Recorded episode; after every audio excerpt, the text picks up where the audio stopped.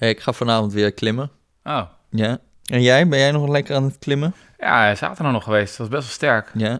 Dan. Ja, het was wel een heel mooi moment was er. Ik op een gegeven moment een, uh, een roze zat ik een beetje te proberen. Dat was echt een lastig. Ik weet hoe sterk is.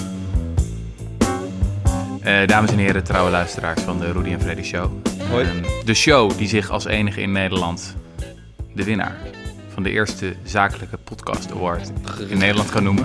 Ja, ze heeft dat niet eens genoemd vorige podcast. Wat is dit Ja, nou? maar dan doen we Ik bedoel, het toch samen. Het was een glorieuze avond van twee. We kregen een prachtig stukje plastic. Ja. eh, dat overduidelijk die middag nog was gefabriceerd. ja. We hebben de BNR Podcast Award gewonnen. na, BNR na Podcast. 50 afleveringen. En, en je Dankzij jullie, lieve luisteraars. Dankzij jullie. De beste zakelijke podcast van Nederland. Daar gaan jullie naar Misschien dat je gewoon dacht van... het is wel lief om even te wachten op de volgende aflevering... dat er het weer is. Ja, Nou, toch? Dat vind- is wel zo. Vind ik ook sympathiek van je. Want jij was in Ehm, Brazilië weer. Dat was natuurlijk een hoogtepuntje. We hebben ook wat eh, irritaties gehad. eh, Deze week, De zeker. afgelopen, de afgelopen tijd. Eh, eerst een kleine persoonlijke irritatie die ik heb. Eh, Jesse, hoe is het nou met je? En doe je nog wel eens wat anders dan bolderen? Nou, ehm, nee, eigenlijk niet echt, nee. Nee, ik, heb, eh, ik heb eigenlijk maar één hobby nu. Ja. Dus eh, misschien moet ik mijn repertoire verbreden. Maar het zijn twee dingen die mij bezighouden. Dat is parkeren ja. en bolderen. ja, nee, dus ik, ik dacht ook... Ja, misschien dat Roman het uitknipt. Maar ik dacht ook, ik wou de podcast eigenlijk beginnen met een, met een oproep. Want ik vond altijd dat in periodes dat jij een vriendin had... dat je een veel gebalanceerder figuur was. dat je gewoon wat variëteit in je leven had. Maar nu zit je zes, zeven keer per week dat te doen. Nee, ik zou je zeggen, Dus- ik weet wat er laatst gebeurde. Ik nee, zat- voordat je dit gaat traineren, Oh. ik dacht, ik ga gewoon een oproep doen dat mensen gewoon mij kunnen mailen met eventuele suggesties en ideeën. En dan kan ik dat eventueel weer doorzetten naar jou. Want er moet gewoon wat balans komen in jouw leven. Het is niet meer dat het. eh, Oké. Ja, ik had laatst dus, ik wil, ga deze anekdote gewoon toch vertellen. ja, kom maar op. zat ik op Tinder.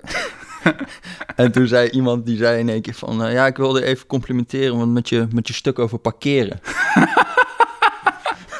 toen Ja. dacht ik, dit gaat niet goed. dit gaat echt niet goed. Ik kan nu allemaal vunzige grappen gaan maken, maar dat zal ik Ja. maar niet gaan doen over Nee. parkeren. Dubbel Oké, geparkeerd. Ehm, Jesse, we hadden ook een paar grote irritaties die we hadden, we hadden bespreken. Ja, grote, kleine irritaties. Ehm, Waar zullen we mee beginnen? Laten we maar aftrappen met. eh, Met? ja, Ja? die van jou? Die van mij? Kom op. Nou, ik, ik viel mij dus op dat in één keer zo'n getal dan in één keer verschijnt in de media. 20 miljoen. 20 miljoen. We zijn in 2060 met z'n 20 miljoenen. En dat was volgens mij iets van, eh, van, eh, van eh, nou, Thierry Baudet en zo, die hadden dat gezegd. Hè, van het wordt allemaal, de bevolking wordt zo groot en we Ja. moeten daar toch eens over na gaan denken. Over Het was een projectie van het CBS, toch? De oorspronkelijke data, of niet? Nou, dat is dus, tenminste, als ik naar die data kijk, het is gewoon eh één, een, een, zeg maar, je, je neemt altijd een soort waaier, wordt het uiteindelijk, Ja. hè, met allemaal eh eh, f- een standaardfout erin en zo. Dus eh, het meest, meest, zeg maar, binnen die 95% interval, dus de, de me- meest, eh, een van de waarschijnlijkheden is 21 miljoen inwoners. Maar dat is even waarschijnlijk als dat er straks 16,1 miljoen inwoners zijn. Dus zeg maar waarom we dan in godsnaam over 20 miljoen zitten te praten... als de meest waarschijnlijke prognose is volgens mij iets van 17,8 of zo. En dan in één keer wordt zo'n getal 20 miljoen... omdat iemand daar dan daarop is aangeslagen. Ja, ja. En dat gaat dan helemaal rondzingen in de media. En niemand checkt meer van waar komt het eigenlijk oorspronkelijk vandaan en hoe waarschijnlijk is dit. Ja, en los daarvan, het is met die demografische... Ik, ik weet er eigenlijk ook niet helemaal het fijne van hoor. Maar als, ik, als, ik, eh, als je die geschiedenis leest of zo... dan zie je ook heel Mhm. vaak van dat soort voorspellingen. En vlak na de oorlog bijvoorbeeld, dat is heel grappig... daar heb je nog in de troonrede en zo... dat Juliana eh, zei van Nederland is vol... het wordt alleen maar voller, mensen moeten weg hier... Ja, ja, ja. Want we moeten allemaal gaan emigreren naar Canada en weet ik het. eh. en, eh, en in de jaren zestig waren ze dus ook heel bang voor dat, die, dat Nederland in het jaar 2000 20 miljoen inwoners zou hebben en 12 miljoen auto's.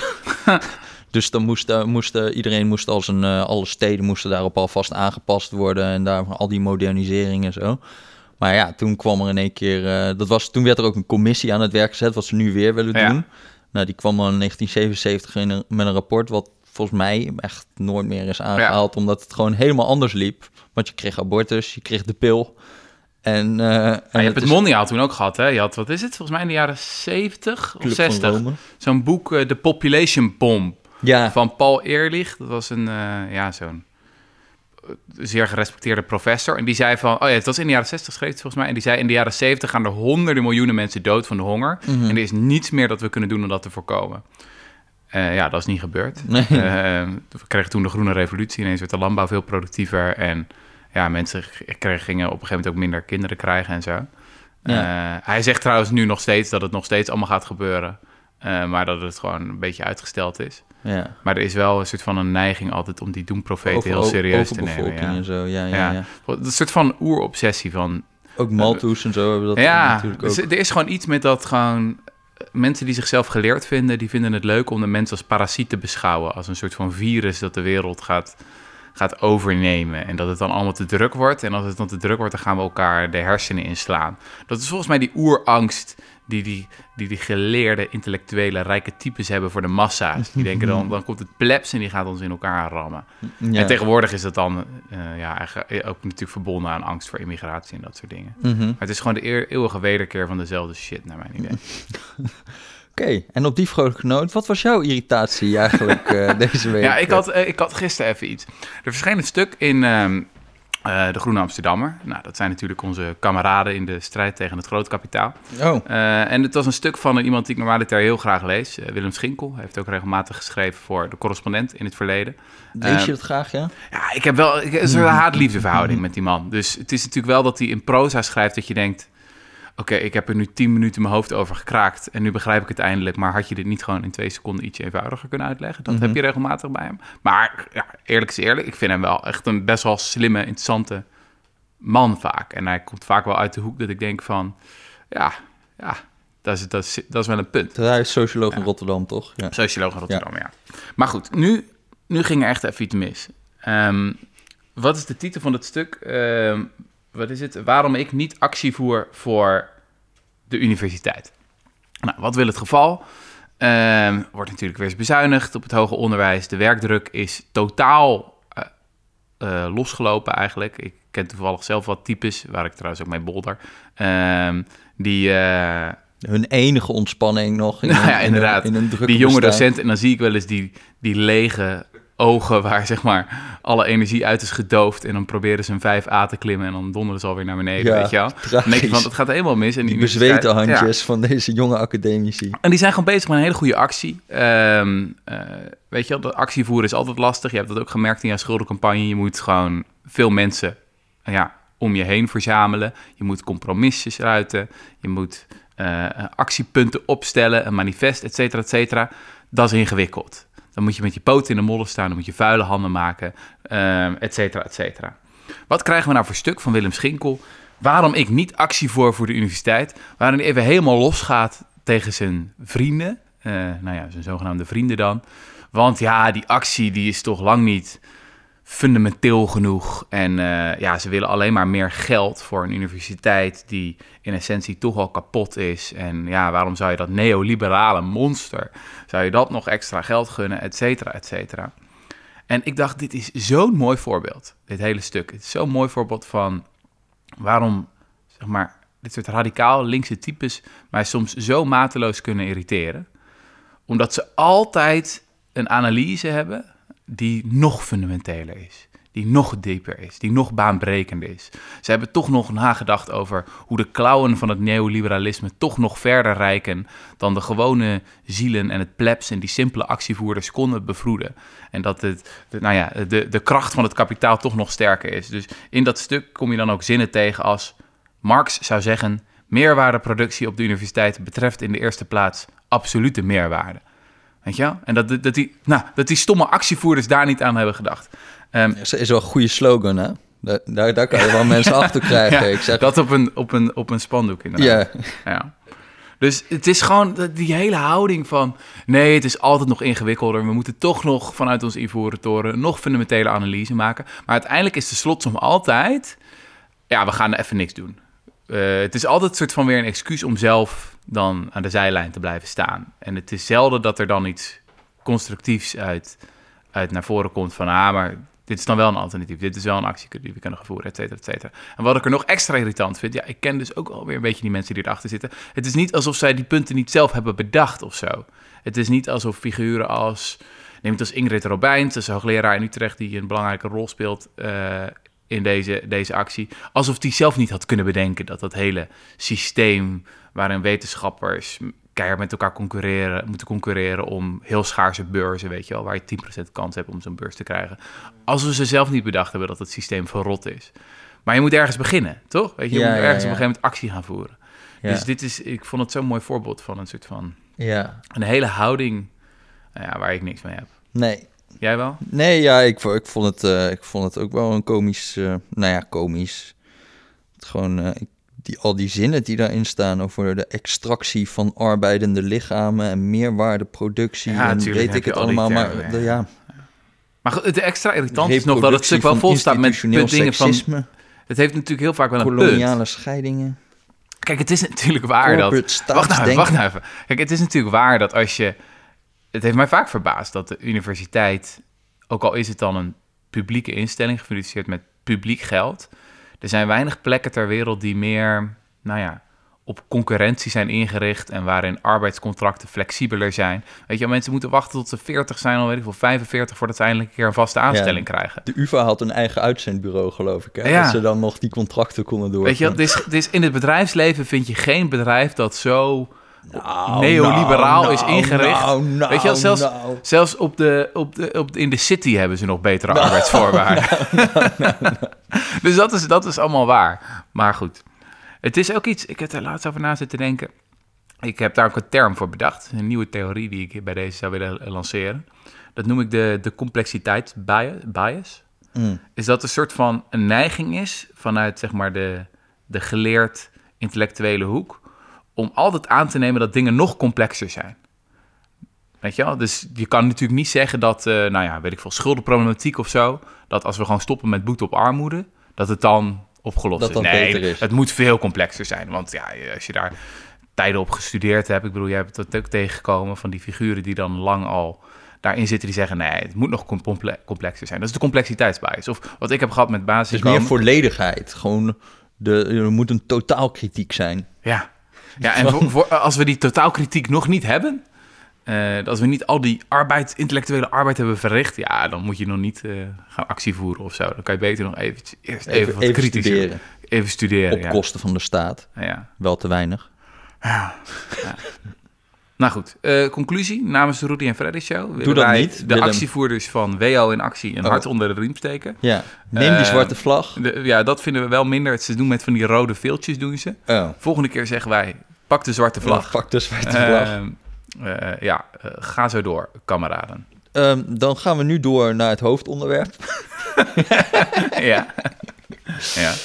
Nee, eh, dit is een eh, veel leuker verhaal Ja. over een fucking stoere vrouw, toch? Of wat Ja, gaan we, waar ja, gaan we het over hebben? Vertel Nou, het eens. ik heb eh, drie boeken meegenomen. Drie boeken bij ik heb drie boeken meegenomen. ik heb ze al een tijdje geleden gelezen, maar ik dacht, dit is echt een mooi moment om er eens even in te duiken. Zeker omdat jij in die parkeershit zit. De parkeershit. Dus je hebt net een stuk geschreven over dat parkeren eigenlijk de moeder van alle kwaad is. Ehm, en ik heb dus een periode in mijn leven gehad recent dat ik helemaal geobsedeerd raakte door stedelijk ontwerp. Het Oh. begon eigenlijk puur toevallig. Ik zat, eh, ja, waar zat ik? Ergens in een, in een boekhandel en ik, ik pakte ineens het boek eh, Happy City van Charles Montgomery. Ik had nog- lekkere kop. ja, dat leek mij leuk. Ik dacht, daar wil ik wel in, in wonen. Ik had nog nooit wat gelezen over stedelijk ontwerp. Weet je wel, voor die periode, we- meestal hebben we het in deze podcast over eh, economie en dat soort aanverwante zaken. En ik was echt volkomen weggeblazen door het boek. Ik had me nooit gerealiseerd dat zeg maar, de inrichting van onze steden zo waanzinnig invloedrijk is. Dat ons, ons hele leven in feite, van onze relaties, van ons werk, van hoe gestrest we zijn, tot, tot zelfs ons seksleven komt in het boek aan bod. Dus het blijkt bijvoorbeeld dat mensen die langere eh, commutes hebben, langer naar hun werk moeten reizen, minder tijd hebben om nou ja, te tinderen en weet ik wat jij allemaal uitspookt eh, eh, buiten werktijd. Dus het is echt fascinerend hoe gewoon al die dingen daarvan afhangen. En mensen denken er vrijwel nooit over na. Tenminste, dit is echt een wereld die voorbehouden is aan nou ja, de deskundigen, aan de experts en de technocraten. Terwijl dat op, op de langere termijn zijn dat de natuurwetten van ons samenleven. Gewoon simpele dingen als zoning of, of bestemmingsplannen. Ik wist bijvoorbeeld helemaal niet dat... Waarom is de VS zo'n vreselijk verrot land? Ik dacht altijd, ja, dat komt gewoon door die, eh, door die eh, ja, verschrikkelijke conservatieve types daar. En weet je wel, het standaard verhaal, het neoliber- neoliberalisme, bla bla bla bla. Ik had helemaal nooit nagedacht Over parkeren. over parkeren. Ik had nooit nagedacht over dat er gewoon zoningwetgeving is die eh, dicteert dat ehm, eh, functies gescheiden moeten worden. Bijvoorbeeld dat mensen daar moeten wonen en daar moeten recreëren en daar moeten werken. Ehm, dat er eh, wetgeving is die eigenlijk al- als gevolg heeft dat mensen meer uit elkaar gaan wonen. Eh, weet je wel, dat iedereen een groot huis heeft ergens in de suburbs. Waardoor er bijvoorbeeld eh, weer minder winkels zijn ter plekke. Eh, wat de sociale cohesie niet bevordert. Want dan heb je niet een soort van winkelier op de hoek van de straat... die let op je kinderen terwijl ze aan het spelen zijn. Waardoor je minder stoepen hebt, want iedereen moet in de auto... want het is allemaal veel te ver weg van elkaar. Waardoor je van die supergrote supermarktplekken hebt... waar iedereen dan naartoe gaat om zijn hyperconsumptiefeest te vieren... en depressief gaat worden, et cetera, et cetera. En ik dacht altijd van, dat doen wij in Nederland niet... want de Nederlandse cultuur is superieur. Weet je wel, wij, dat doen wij niet. Dat zit in, de, in, de, in, de, in onze volksaard. En ik had helemaal geen idee dat achter al die dingen gewoon keiharde wetten en regelgeving zit. Bijvoorbeeld, totale eye-opener. Ehm, vond ik. Die hypermarchés en zo, die je in, in Frankrijk hebt... en die supergrote supermarkten, heb je niet in Nederland. Waarom niet? Mag gewoon niet. Nee, nee, Het is gewoon nee. verboden. Dat Ja, mag dat niet. mag, mag, mag alleen die, die groothandels, maar dan heb je dus een soort van Ja, pas nodig. Daarom om heb je een pasje nodig voor de macro. Ja. Nou, dat vond ik zo'n eye-opener. Nou, wat is het gevolg ervan? Mensen gaan dan niet meer met hun auto naar die grote supermarkt. Nee, ze gaan naar een leuke, gezellige buurtsupermarktje op de stoep. Waardoor er wat meer bedrijvigheid is in de buurt. Kinderen buiten spelen, zonnetje schijnt. Weet je, dat zijn allemaal, Ja, van, ja, die, ja, allemaal van die dingen. Dus dat was een beetje de... Blijven de- afstanden klein. Precies, met ja. op de fiets heen. precies. Ja. Dus, dus daar begon het eigenlijk mee. De Happy City is zeer, eh, kan ik zeer aanbevelen. Oh. En toen duurde het eigenlijk niet lang. Eh, dat is eigenlijk natuurlijk iedereen die deze openbaring heeft gehad en denkt: oké, stedelijk ontwerp bepaalt eigenlijk alles en is veel belangrijker dan weet ik veel belastingwetgeving of die andere dingen waar we het meestal, meestal in deze podcast over hebben. Ehm, en dan kom je natuurlijk uiteindelijk altijd uit bij Jane Jacobs. Jane Jacobs. Klein vrouwtje. Ja. Jaren 60. Vertel mij meer over Jane Jacobs. Nou, ik zat haar biografie te lezen, Jesse, en ik zal je even iets moois vertellen. Nou, Ze deed me eigenlijk wel een beetje denken aan jou. ja. nou, dat is lekker. Ja. Nou, Jane Jacobs was dus een, eh, een vrouw die eh, in de eerste plaats slechte ervaringen had in het regulier onderwijs. Dus altijd ruzie had met eh, docenten, het aan de stok kreeg, andere dingen ging doen, et cetera, et cetera. Dus ja, een ongeschoolde autodidact zou je haar kunnen, kunnen noemen. Mhm. En jarenlang werkte ze in de journalistiek. Zit ze een beetje aan te rommelen. Nou, gaat allemaal wel goed. Op een gegeven moment eh werkt ze voor een architectuurblad, stedenbouwkundig blad. Forum heet dat, als ik het goed herinner. Ehm, en dan komt er een moment dat er een grote conferentie is op de Universiteit van Harvard. Dit is, als ik het help, in de jaren 60. En ehm, daar komt de crème de crème van stedenbouwkundig eh, Amerika bij elkaar. Dit is dus in de tijd van het, wat we het modernisme noemen. Dus wat doen we dan? Eh, ja, wat is het allemaal? In ieder geval dat scheiden van functies. Eh, heel erg naar de stad kijken van bovenaf. Het moet allemaal efficiënt en rationeel. Eh, alle ruimte aan de auto, et cetera, et cetera. Mhm. Dat is het idee. En dus het zit een zaal vol met van die eh, testosteronachtige typetjes... die van, van bovenaf even gaan vertellen hoe de, hoe de toekomst eruit moet zien. En ehm, aanvankelijk zou de, de, hoofdredacteur van, van haar blad dat praatje geven... maar die kan op het laatste moment niet. Die zegt van, doe jij dat nou? nou zij is helemaal stijf van de zenuwen... En zij heeft een praatje uit haar hoofd geleerd van 1500 woorden. Een beetje een TED-talk eigenlijk, qua lengte. En ze vertelt dat verhaal en revolutie. Revolutie. Dat is de basis geworden van haar uiteindelijke boek. The Death and Life of Great American Cities. Jane Ja. Jacobs. Ik kan dat echt iedereen aanbevelen om nog te lezen. Het is echt eh, zeker de eer- na de eerste helft ongeveer. Daarna wordt het een beetje gedateerd. Ehm, en eh, dat is gewoon een soort van... Het is, het is echt een David tegen Goliath verhaal.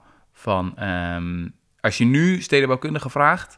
dan is het heel vaak is volgens mij dat ze zeggen van... ja, Jane Jacobs is een soort van de, de, de oervrouw die het allemaal heeft En wat uitgelegd. stelt hoe zij het dan tegenover al die modernisten? Wat, wat, wat, wat is haar verhaal? Ja, volgens mij, het zijn een reeks van dingen. Maar volgens mij het belangrijkste is dat ze gewoon ging kijken. Dat is natuurlijk die journalistieke kijk van... hoe werkt een stad eigenlijk echt? Mhm. Dus niet in theorie, niet van bovenaf, niet eh, alleen kijken naar de kaart. Eh, ziet het allemaal mooi, efficiënt en rationeel uit. Maar ja, hoe gebruiken mensen een stad? Dus de eerste hoofdstuk van het boek, die gaan allemaal over stoepen. De, Mhm. de, de functie van de stoep. Eh, een van haar bekende uitspraken is eyes on the street. Dus ze wil dat, dat stoepen levendig zijn, dat er veel, dat er veel gebruik van Mhm. wordt gemaakt. Nou, dat, dat is, kan dus niet als mensen alleen maar wonen in een straat. Dat is niet handig, want dan zijn ze aan, het- aan het wonen s'nachts en s ochtends en s avonds. Maar overdag is iedereen weg en is het verlaten, dus dat is niet gezellig. Mhm. Ehm, dus zij zegt mixen van functies. Dat is totale ketterij in- Mhm. in, in die tijd, in de jaren zestig. Dat, is, dat werd gezien als ja, niet efficiënt en gaat niet werken. Tegenwoordig is dat volgens mij eh, veel meer mainstream geworden. Van dat je die functies moet mixen. Waarom moet je dat doen? Nou, ze heeft, geeft een hele reek- reeks van redenen. Een van de redenen is bijvoorbeeld simpelweg veiligheid. Mhm. Als gewoon st- straten levendig zijn, dan ja, Ik merk het heel goed waar ik nu woon, bij die Weesperzijde, waar, Ja. ons, waar wij vroeger de, eh, onze redactie hadden. Ik woon op de redactie nu. Ja. Maar eh, daar is dat is dus een van de, ik geloof de tweede fietsstraat van Amsterdam. Mhm. Maar ook heel veel horeca. Ja Eh, precies. gewoon door overal een beetje verspreid. Één, één, op elk blok denk ik wel één cafeetje.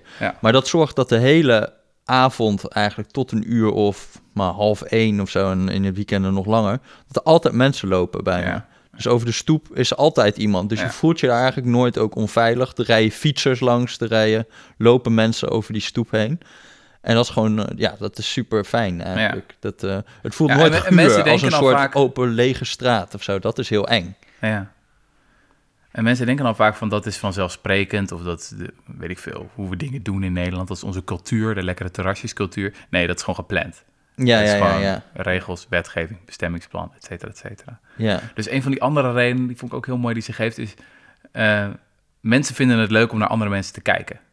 Dat, Mhm, Leuke steden vinden we steden dat je lekker kan zitten, of weet ik veel, op een plein, of mhm. en je gaat gewoon andere mensen kijken. Maar dan moeten het wel plekken zijn waar mensen graag willen zijn. Dus eh, haar boek doet ook heel erg denken aan dat boek wat we heel vaak in eh, de podcast ook hebben genoemd eh, van James C. Scott, Seeing Like a State. mhm. En hij geeft dan het voorbeeld van al die modernistische stedenplanners die pleinen gingen maken.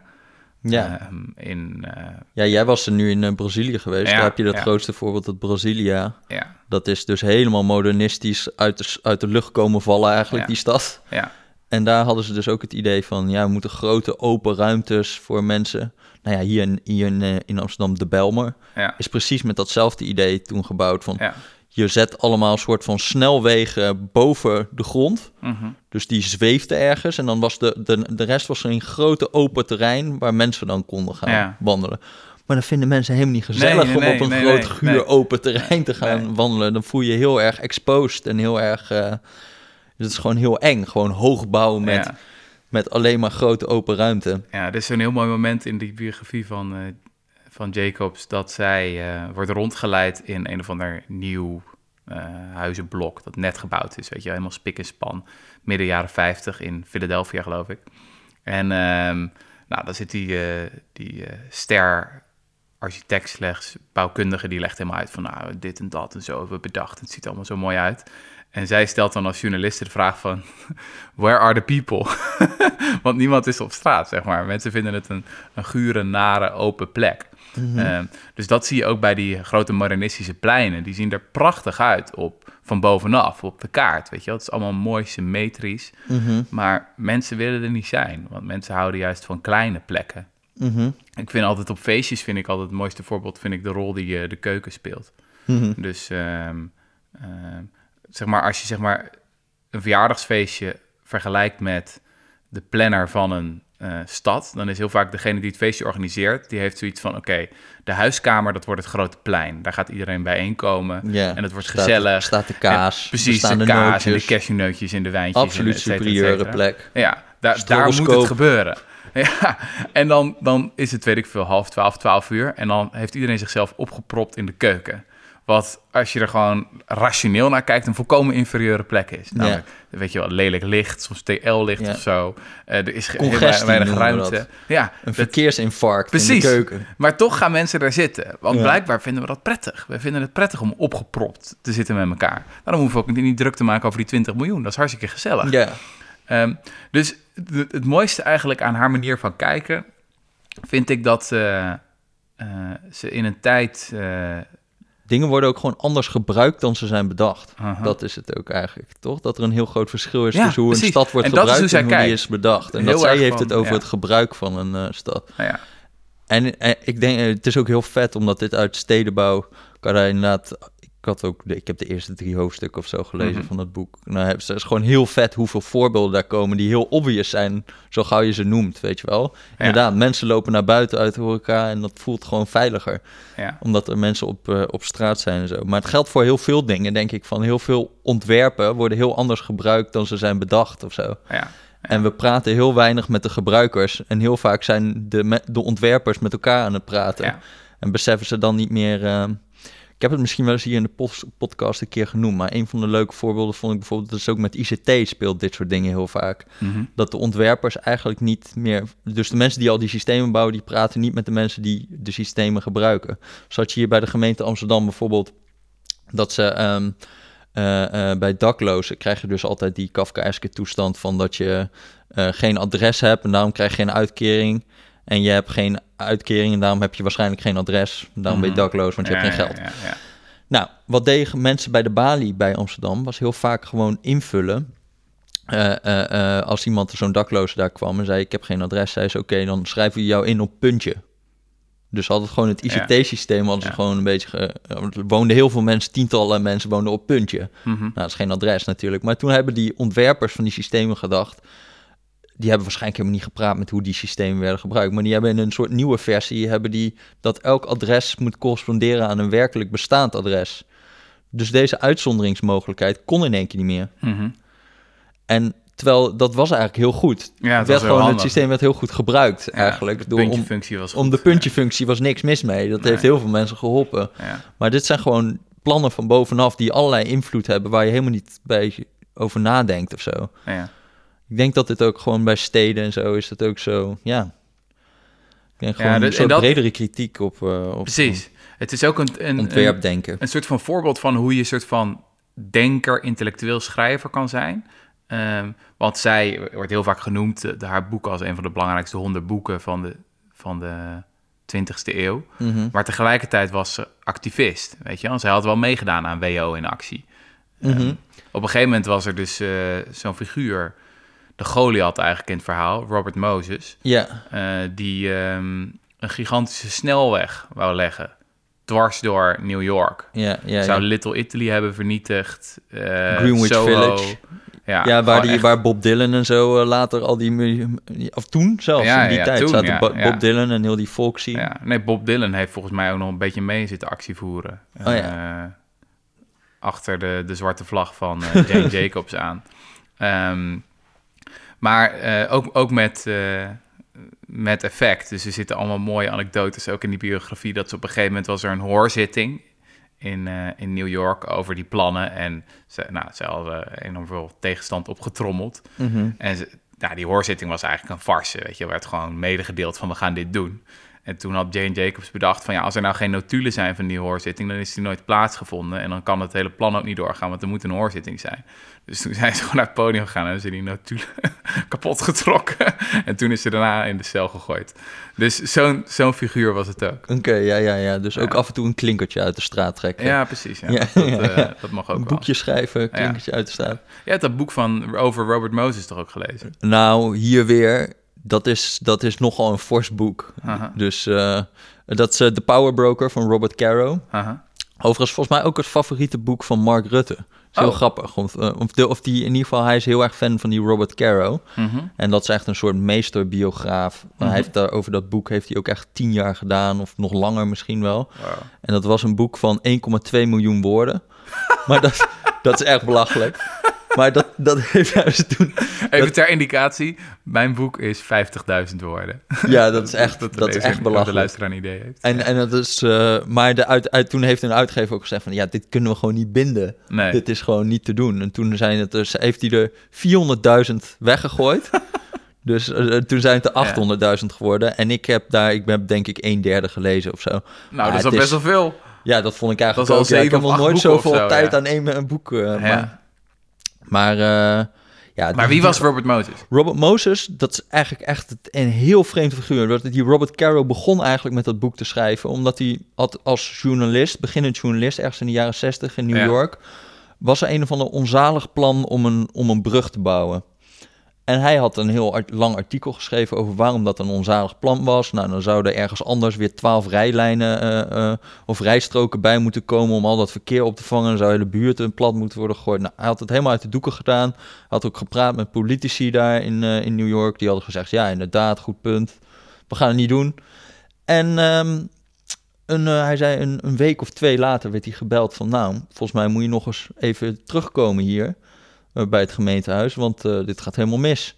Ja. Hè, hoezo dan? Ja, Robert Moses is langsgekomen. Robert Moses is langsgekomen. Nou, en die bleek dus gewoon... in één keer werd die brug toch weer gebouwd. En Ja. dacht, Robert Moses, wie de fuck is Robert Moses? Ja. En dat was dus eh, een soort van een soort bureaucraat die in ja, het is moeilijk te beschrijven, maar hij zit in allerlei commissies en allerlei soort ambtelijke organisaties van New York. Was hij een soort van de planningman. Dus eh, sinds de jaren 20 nooit verkozen tot eind jaren 60 heeft hij zeg maar heel veel planning gedaan voor eh, bruggen, voor snelwegen. Dus hij, hij, die, die Robert Caro begint ook dat boek ergens met een soort. Eh, eh, in eh, Homerus heb je op een gegeven moment een soort opsomming van alle schepen die dan naar Troje varen. ja. Nou, hij heeft dan zo'n soort opsomming van alle bruggen en alle, Wow. alle dingen die hij heeft gebouwd. Is de Van, machtigste man die niemand kende eigenlijk. precies, de Triborough Bridge bijvoorbeeld. Ik weet niet of je dat wat zegt. Lincoln Center, de, door de Bronx heeft hij zo'n die hele snelweg Mhm. gebouwd. Nou ja, echt waanzinnig veel. En die man is heel erg, heel erg raar, dubbel figuur eigenlijk. Want hij is aan de ene kant heel idealistisch. Alleen zijn idealen zijn...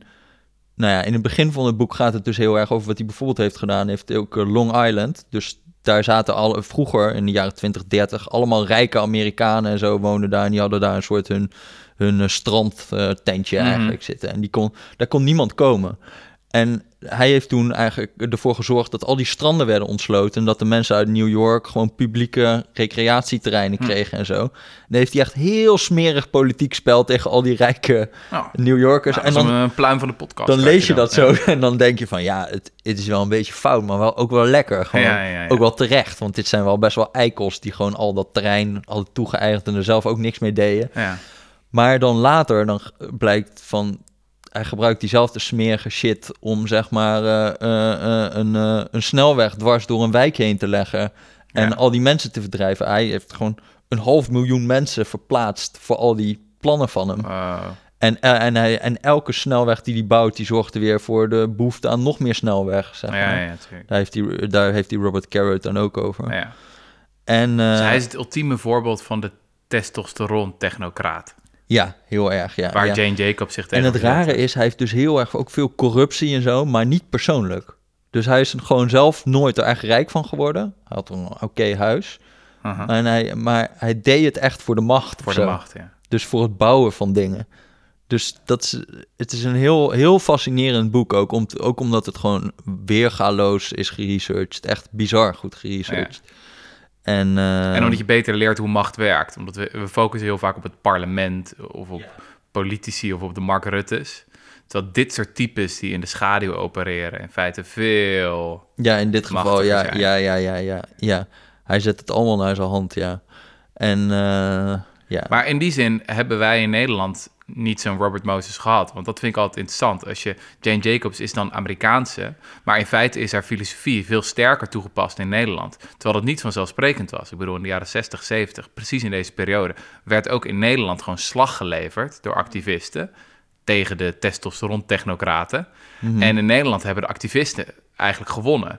Terwijl niet in de overal, VS, hè? niet, overal. In jouw stad, in Hoogkaterijnen, dat was ook allemaal... Dat was echt een projectontwikkelaar die daar... eh, een klein tegenslagje. Een klein tegenslagje, Klein tegenslagje, ja. ja. Nee, Hoogkaterijnen was wel een klein... eh, Dat is leuk. Ik ben daar Ja. ook een boek over aan het lezen. Van Tim Verlaan. En dat heet De Ruimtemakers, geloof ik. En dat Ja. gaat over een heleboel van die eh, stadsvernieuwingprojecten. Dus waaronder ook Hoge Katerijnen. Maar de woorden die ze dan gebruiken, ze hebben het dan ook over de wetenschappelijke productie van ruimte. Oh, en zo, ja. dat is dan Hoge Katerijnen. Ja. En de onvermijdelijkheid waarmee dat werd eh, Je gepresenteerd. krijgt allemaal dat sausje over zich heen. Ja, ja, Heel, heel erg van eh, dit, is, dit is de wetenschap. En dat is leuk van die, ook van die Jane Jacobs. Het is niet met cijfers of zo, het is met observaties over wat zo, hoe zo'n stad werkt of zo. En niet, nou ja. Maar over het algemeen kan je wel zeggen, en de Thalia, die vorige, week, eh, vorige keer in de podcast was, ook mooi over geschreven, is dat, nou ja, laten we zeggen, de, de, de, de, de, de oorlog is gewonnen door de, de fietslobby in Nederland. En dat vind ik wel interessant, dat, dat eh, Jane Jacobs Amerikaanse was en, en een paar overwinningen heeft geboekt. Bijvoorbeeld, nou ja, die snelweg in New York is in die gekomen.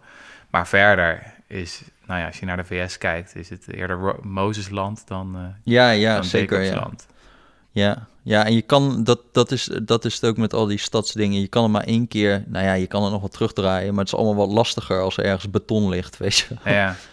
Ja. Ja, en die Amerikaan, ik hadden ook laatst een presentatie van iemand over, over parkeren in eh, Amerika. Mhm. Ja, dat, dat is gewoon onvergelijkbaar eigenlijk nog met hier. Want daar heb je dus echt belachelijke parkeernormen. Dat ze bij elk gebouw moeten ze, weet ik veel, drie parkeerplekken voor elk huishouden, bij wijze van spreken, aanleggen. En dat zorgt ervoor dat de afstanden ook steeds groter worden. Waardoor Want- je die auto wel nodig Waardoor je hebt. die auto Ja. wel weer nodig hebt. En omdat nu nog, zeg maar, hij, hij liet zien dat er steden waren waar 30, 40 procent van alle ruimte parkeerplek is. Weet je wel? Enorme lege parkeerterreinen. Die dan bij de woning leeg staan, maar dan ook daarna bij het kantoor weer. Allemaal dubbel ruimtegebruik. Ja, Ja, dat is echt, echt, Ja. dat is echt nog wel een andere koek dan hier, zeg maar. ja. Maar daar is het ook natuurlijk dat die ruimte er is. Dus wij zijn er ook wat meer toe... ehm, gedwongen. wij zijn goed gedwongen om efficiënter met die ruimte om te gaan, omdat we er veel minder van hebben.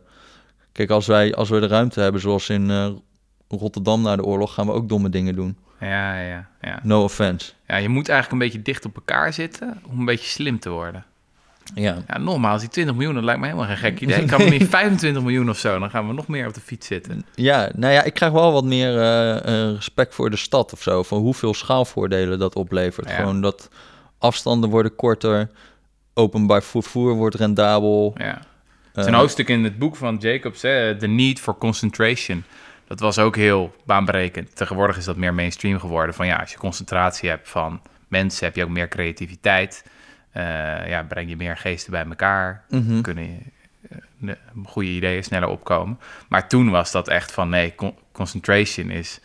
Dan heb je meer ellende en ziekte en criminaliteit. Nee, je moet het juist uit elkaar trekken. Ja, Dus ja, dat is ja. echt... eh, ik, ik, ik vond het eh, interessant tijdens ehm, het eh, promoten van mijn boek over utopisch denken... kreeg ik regelmatig de vraag van... ja, waarom heb je niks geschreven over de stad van de toekomst? Want inderdaad, als je gaat kijken naar 19e eeuwse utopieën of zo... nog wel 20e eeuwse... is heel vaak de utopie verbonden met de stad. Zeg maar, als je te- droomt over de perfecte wereld... is er ook een soort van visie van de stad.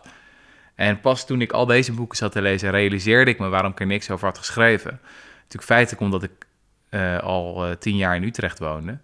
Ja, en dat is gewoon min of meer hoe je het moet doen.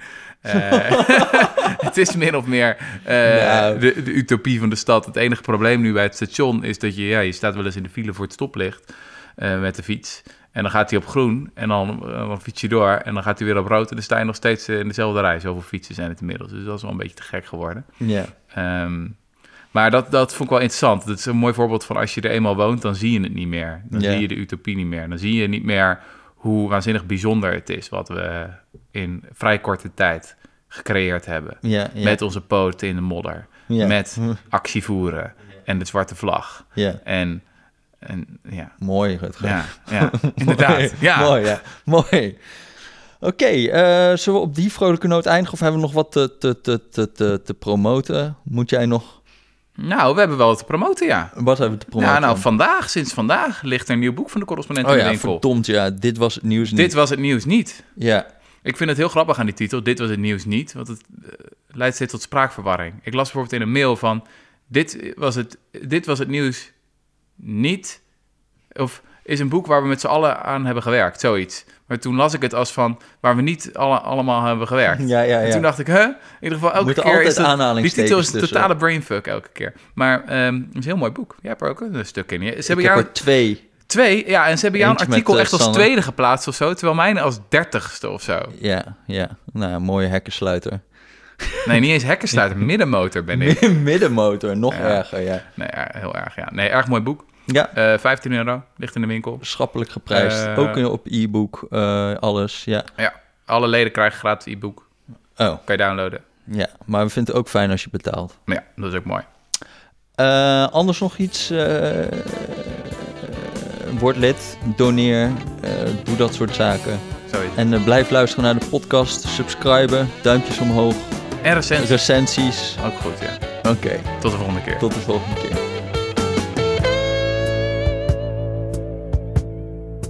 Et cetera, et cetera. Ik heb ook heel vaak dat ik ja precies ja zeg. Ja precies ja. Ja, precies, ja.